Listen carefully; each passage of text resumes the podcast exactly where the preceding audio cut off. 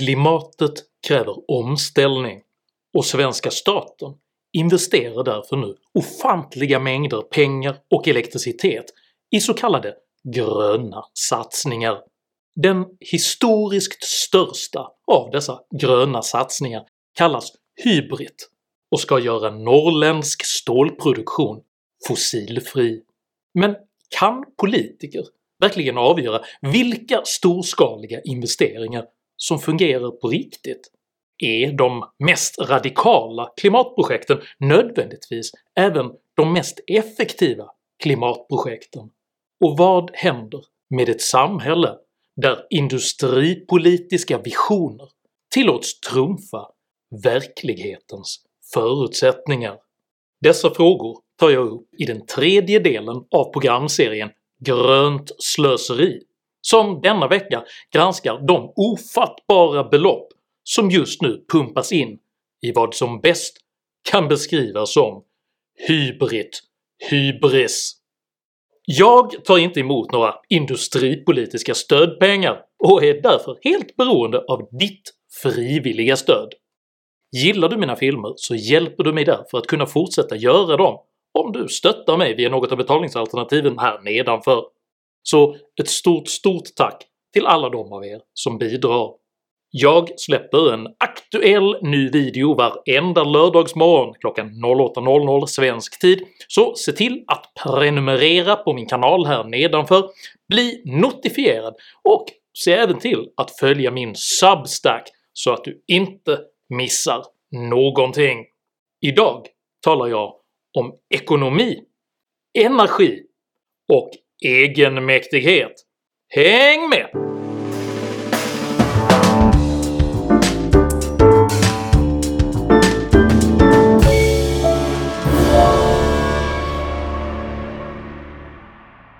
Det stora språnget var det kinesiska kommunistpartiets namn på ett storskaligt omställningsprojekt med den långsiktiga målsättningen att på fem korta år transformera Kina från en primitiv agrarekonomi till världens främsta industrination.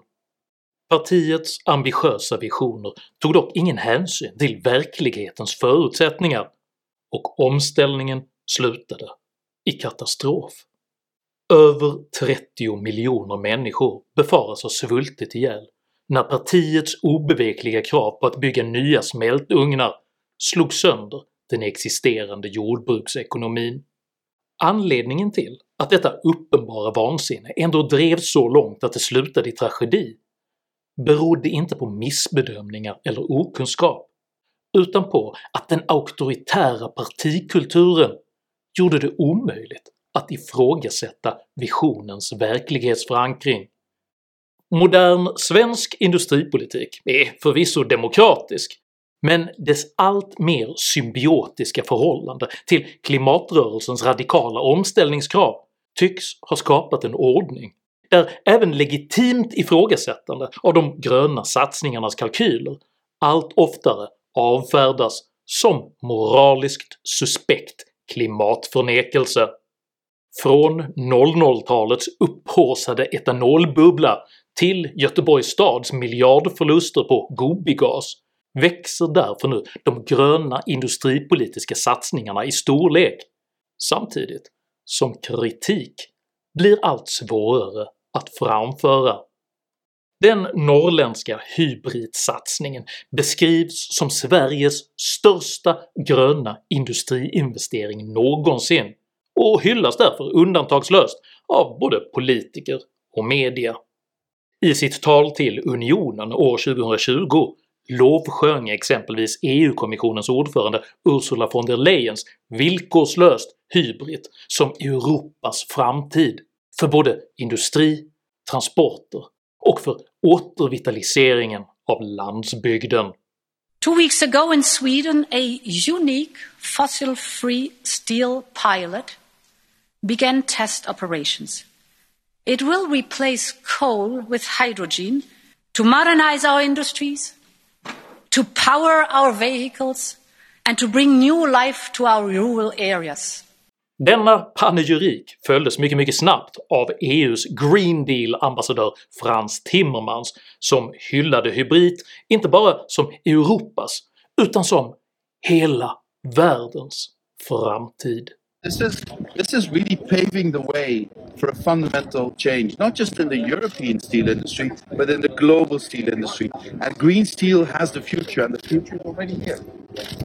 Hemma i Sverige beskrev dåvarande statsminister Stefan Löfven hybridsatsningen som ett epokskifte och vice statsminister Isabella Lövin lovprisade den som en transformation. Marknaden fungerar inte här, utan här behöver regeringen gå in både med tuffa mål men också med stöd.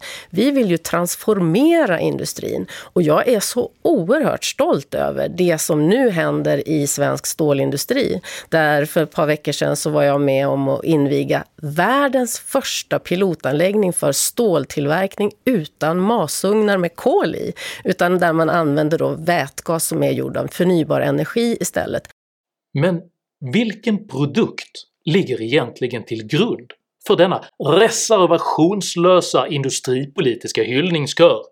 Och kanske viktigast, vad kostar den?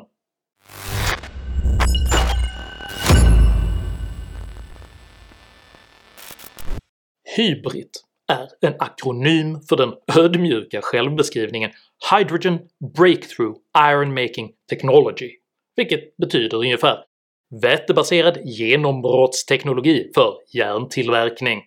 Den största industrisatsningen någonsin i Sverige pågår i bolaget Hybrit som LKAB äger tillsammans med eh, Vattenfall och SSAB. De tillverkar fossilfritt stål med ny teknik. Stålindustrin är ju traditionellt en klimatbov. Men med den nya tekniken så ska en av Sveriges, alltså de största källorna till klimatutsläpp i Sverige på sikt försvinna. För att kunna förstå syftet med denna satsning måste man först veta hur vanlig svensk stålproduktion fungerar. Först bryter det statligt ägda bolaget LKAB järnmalm genom gruvdrift. Malmen förädlas sedan genom en serie fossildrivna kemiska och termiska processer till små järnoxidkulor kallade pellets. För att den statligt delägda ståltillverkaren SSAB ska kunna göra stål av dessa pellets måste syret nu avlägsnas ur järnoxidkulorna, vilket traditionellt görs genom att man i hög temperatur smälter dem tillsammans med koks. I smältugnen binder sig då två syreatomer vid varje kolatom, vilka sedan tillsammans lämnar järnet i form av koldioxid. För att undvika dessa koldioxidutsläpp vill LKAB och SSAB nu ersätta sina fossildrivna kemiska och termiska processer med el och vätgas, vilken man vill att det statsägda bolaget Vattenfall ska producera på ett fossilfritt sätt. Genom att pumpa in vätgas i smältugnen istället för koks binder sig två väteatomer vid varje syreatom och lämnar järnet i form av vattenånga. Det är med denna vision som industriättarna LKAB, SSAB och Vattenfall tillsammans nu driver den enorma industripolitiska satsningen Hybrid. För att förverkliga detta storskaliga industripolitiska projekt tillsätts år 2017 före detta statsminister Göran Persson som ny ordförande för LKAB och han beskriver entusiastiskt satsningen på Hybrid som sitt största projekt någonsin. Och nu börjar pengarna att regna över Hybrid.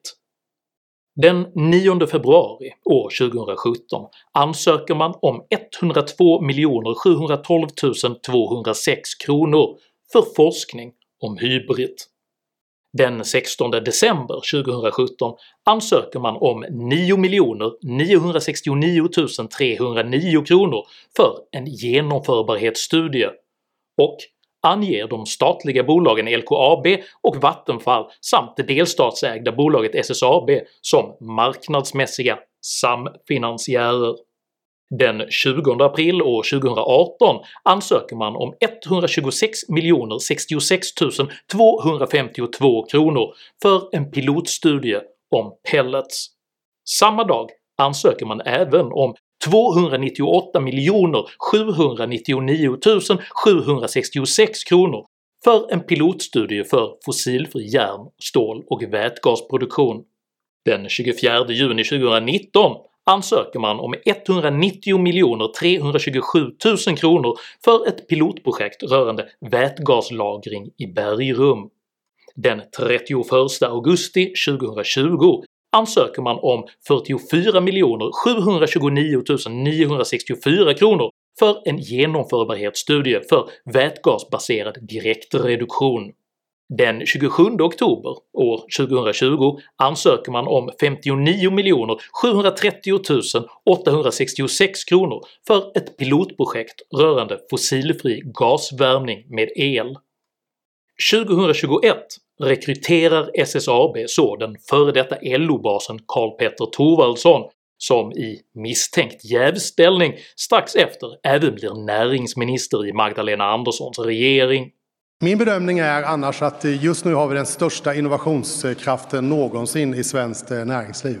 Aldrig förr har fler idéer kommit fram än vad som görs i Sverige just nu. Men de ropar efter mer politik. Politiken måste finnas där och tillsammans med näringslivet klara denna världens viktigaste omställning till ett fossilfritt samhälle senast 2045. Det ska jag lägga allt mitt fokus att tillsammans med näringsliv kunna vara med och lösa de kommande åren. Efter denna topprekrytering söker hybridföretagen så ytterligare 4 miljarder 922 miljoner 479 466 kronor i löpande finansiering till och med 2029. Det riktigt stora projektet är dock LKABs plan att omvandla malm till grön järnsvamp med hjälp av eltillverkad vätgas. LKAB ämnar sammantaget investera mer än 400 miljarder kronor under decennier framöver, vilket innebär att hela detta statsägda bolags förväntade vinst permanent alltså binds upp i högrisksatsningen på Hybrid istället för att delas ut till dess ägare, alltså det svenska folket. Sammantaget beräknas nu mer än ofattbara 1000 miljarder kronor investeras i de norrländska klimatprojekten. Det går naturligtvis att argumentera för att ingen kostnad är för stor om det innebär att Sverige kan leda världen in i en ny grön industriera, men faktum kvarstår. Varken bolagens företrädare, Sveriges politiker eller medier och journalister har hittills velat ställa frågan “Går det ens att genomföra satsningen på Hybrid?”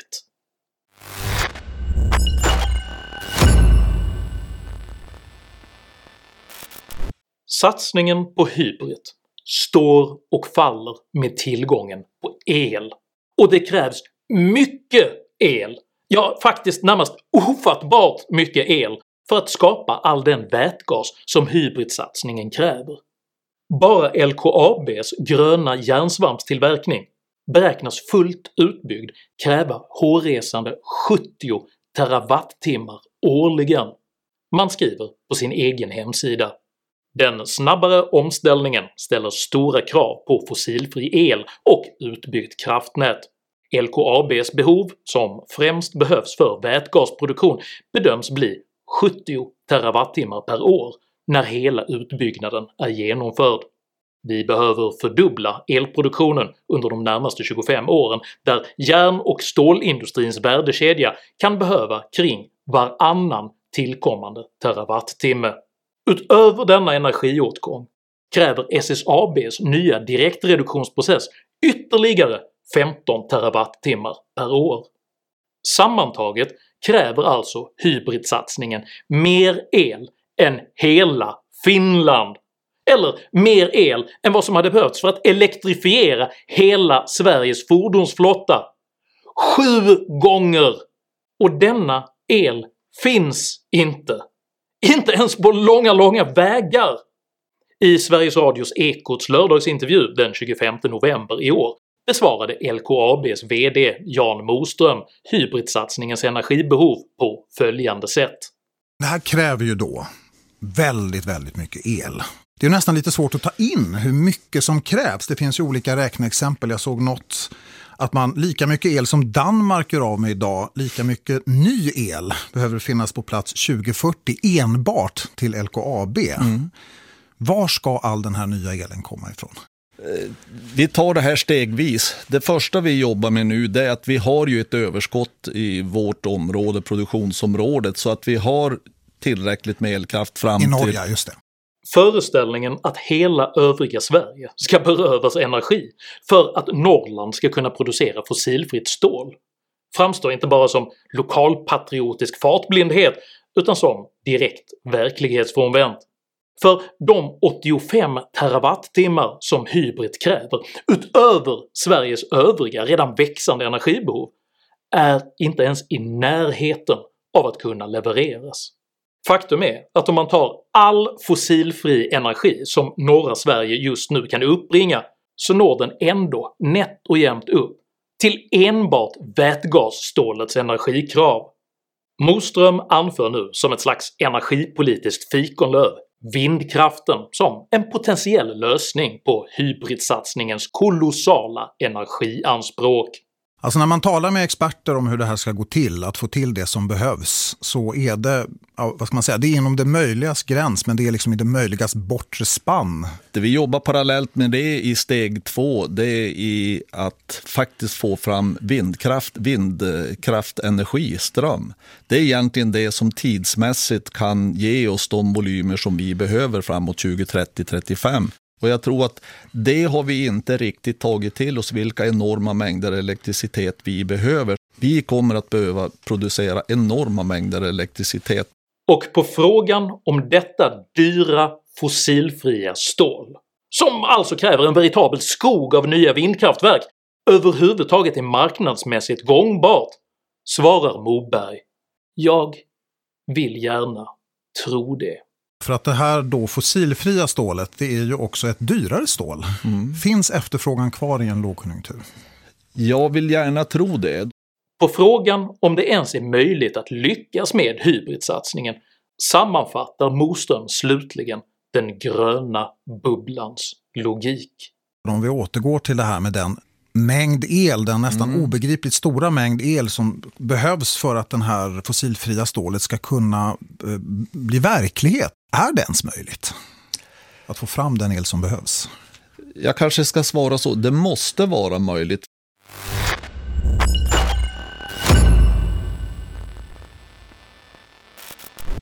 Föreställningen att satsningen på hybrid måste vara möjlig är både alarmistisk, egenintresserad och direkt vilseledande eftersom den bortser från hybridens alternativkostnader Alltså vad de ofattbara mängder pengar och elektricitet som man nu investerar i fossilfritt stål hade kunnat göra för klimatnytta om de hade använts på ett annat sätt.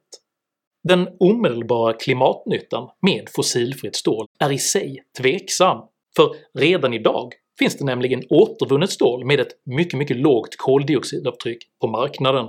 Ett undervisningsmaterial för ingenjörer framtaget av Stiftelsen för miljöstrategisk forskning och den svenska stålindustrins branschorganisation fastslår dessutom “För år 2050 räcker återvinningen av stålskrot till cirka 50% av världens stålproduktion. Utöver detta gör den fossilfria el som hybridsatsningen tar i anspråk bättre klimatnytta om den används för att ersätta exempelvis kolkraft energisystemprofessor Björn Karlsson säger i Ny Tekniks forskningskompendium “Det nya stålet” från 2009. På kort sikt är hybrid ingen lösning för klimatproblematiken. Det ligger för långt fram i tiden och använder för mycket el för att spara koldioxid. Istället borde de 15 TWh el exporteras och ersätta kolkraft i andra länder då skulle koldioxidminskningen bli ungefär det dubbla, cirka 15 miljoner ton.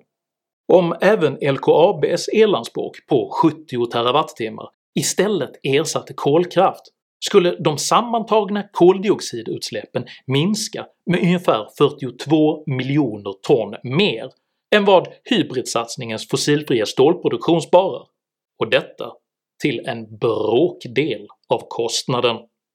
Den just nu pågående och historiskt stora satsningen på fossilfri stålproduktion kan således sammanfattas med följande punkter. Hybridprojektet behöver löpande investeringar på många hundratals miljarder kronor av medborgarnas pengar och detta under många decennier framöver. Hybridprojektet kräver lika mycket ny el som hela Finland i en tid när hela Sverige lider av akut och systemhotande energibrist. Hybridprojektets fossilfria stål beräknas bli dyrt och ledningen har inga svar på om det alls kommer att vara attraktivt på världsmarknaden. Hybridprojektets verkliga miljönytta är tveksam om man jämför dess elbehov med vilken mängd kolkraft denna mängd el skulle kunna ersätta. Varför granskar inte journalister Hybridprojektet noggrannare? Varför prövar inte ekonomer Hybridprojektens kalkyler mer kritiskt? Varför ifrågasätter inte energiingenjörer Hybridprojektets genomförbarhet? Allt detta tyder på att hybridsatsningen är Sveriges hittills största gröna bubbla någonsin och att både projektets ledarskap, de politiker som finansierar det och medierna som beskriver satsningen av ideologiska skäl delar samma ounderbyggda önskan. Det måste vara möjligt. Jag kanske ska svara så, det måste vara möjligt. Denna programserie om grönt slöseri ska på inget sätt uppfattas som ett angrepp på vare sig klimatarbete eller på satsningar på ny hållbar teknik, utan som en kritik av orealistiska förhoppningar, en kritik av dåligt underbyggda satsningar och en kritik av investeringar som dränerar Sverige på resurser och därigenom hindrar ett resurseffektivt hållbarhetsarbete. För ytterst tenderar alla politiska försök till språng att leda till tragiska vurpor, oavsett om de beskrivs som stora eller som gröna. Om du uppskattade innehållet i denna video så hjälper det mycket om du delar den med dina vänner och kanske till och med stöttar mitt arbete via något av betalningsalternativen här nedanför. Dela gärna även med dig av dina egna åsikter och erfarenheter i kommentarsfältet där nedanför, men jag ber dig att alltid vara artig. Jag accepterar inte aggression, personpåhopp eller rasism i mina idédrivna kommentarsfält. Tack för att du som kommenterar respekterar detta. Jag heter Henrik Jönsson och jag är för gröna marknadslösningar men bekämpar kontraproduktiva gröna bubblor. Tack för mig och tack för att ni har lyssnat.